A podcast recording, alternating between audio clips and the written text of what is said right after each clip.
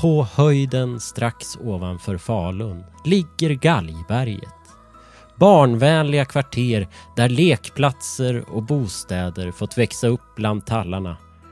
Många hus här är nybyggda och området växer hela tiden. Det här kan man läsa på bostadsbolaget Kopparstadens sajt.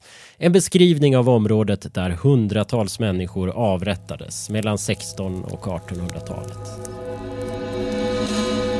Min mormor och morfar bodde alldeles intill Galgberget, Faluns gamla avrättningsplats. Hundratals människor dödades där.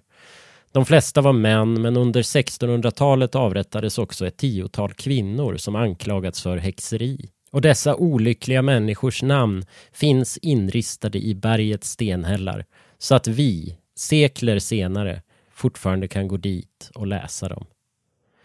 Det var den enda gravstenen de fick. Kropparna styckades och grävdes ner vid foten av berget. I och med att min mormor och morfars lägenhet låg alldeles intill Galgberget spökade det såklart i deras lägenhetshus. Min mormor brukade berätta om sin granne som bodde längst ner i huset som hade sett ett svartklätt tåg vandra genom lägenheten på väg mot Galgberget. Vi vill ofta skapa någon slags logik i det oförklarliga. Många skräckförfattare använder sig därför av platser kopplade till död för att berättiga övernaturliga händelser i historierna. Det känns ju som en självklarhet att begravnings och avrättningsplatser hemsöks i större utsträckning än andra ställen. Men varför egentligen? Det är ju rätt historielöst att inte tänka på att människor och djur har dött överallt, eller hur? Samtidigt formas givetvis platser efter vad som har hänt där. I djurkyrkogården och Poltergeist rör det sig om, ursäkta uttrycket, Indian Burial Grounds och i Blair Witch Project om en specifik skog utanför Burkittsville. Men vem är det egentligen som är antagonisten i den filmen? Och varför är det just den här skogen som är drabbad av ondskan? Är det seriemördaren Rustin Parr som på 1940-talet kidnappade och mördade sju barn? Eller finns svaret i historien om Robin Weaver, flickan som försvann 1888 och kom tillbaka och vittnade om en kvinna vars fötter aldrig nuddade marken? Eller det som hände vid Coffin Rock, där fem män hittades ritualmördade, bundna vid varandra det som är den här filmens styrka är att vi inte får veta någonting alls. Hela storyn bygger på myter och ingenting vi ser är egentligen övernaturligt. Men vi lägger ihop ett och ett. Det är inte en slump att Rustin Parr mördade barnen så nära Coffin Rock.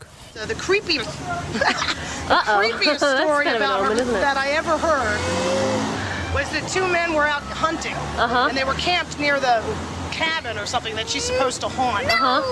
no. And they disappeared off the face of the earth. No. Really? Okay, it's all right, Ingrid. I'm just telling a scary story, but it's not true. It's not true. Den här scenen med mamman och dottern är ett litet guldkorn i sig. Barnet vill inte höra mer. Hon vill inte att mamman ska prata om det där. No, no, no! Hon försöker hålla för munnen på sin mamma. Nämn inte häxans namn. Hon fungerar som en liten och ovanligt gullig Harbinger, alltså skräckstereotypen som oftast är en gammal gubbe som varnar och säger till protagonisten att vända om.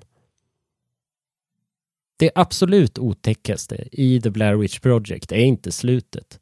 Det är inte heller när Heather, Josh och Mick väcks på natten av barnskratt och att någon ruskar tältet.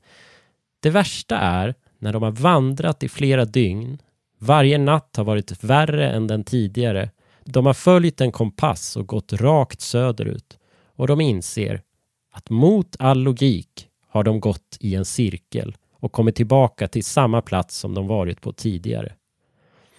Så jo, det här angränsar till övernaturligt. Det är svårt att logiskt förklara.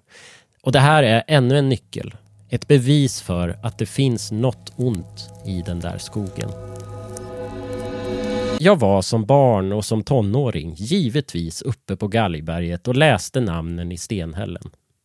Jag såg inga spöken, men det vilade en dov och tryckande stämning över platsen. kom ihåg att jag undrade hur det kom sig att det var just där som de förr avrättade brottslingar. Var det bara en slump? I'll be right back.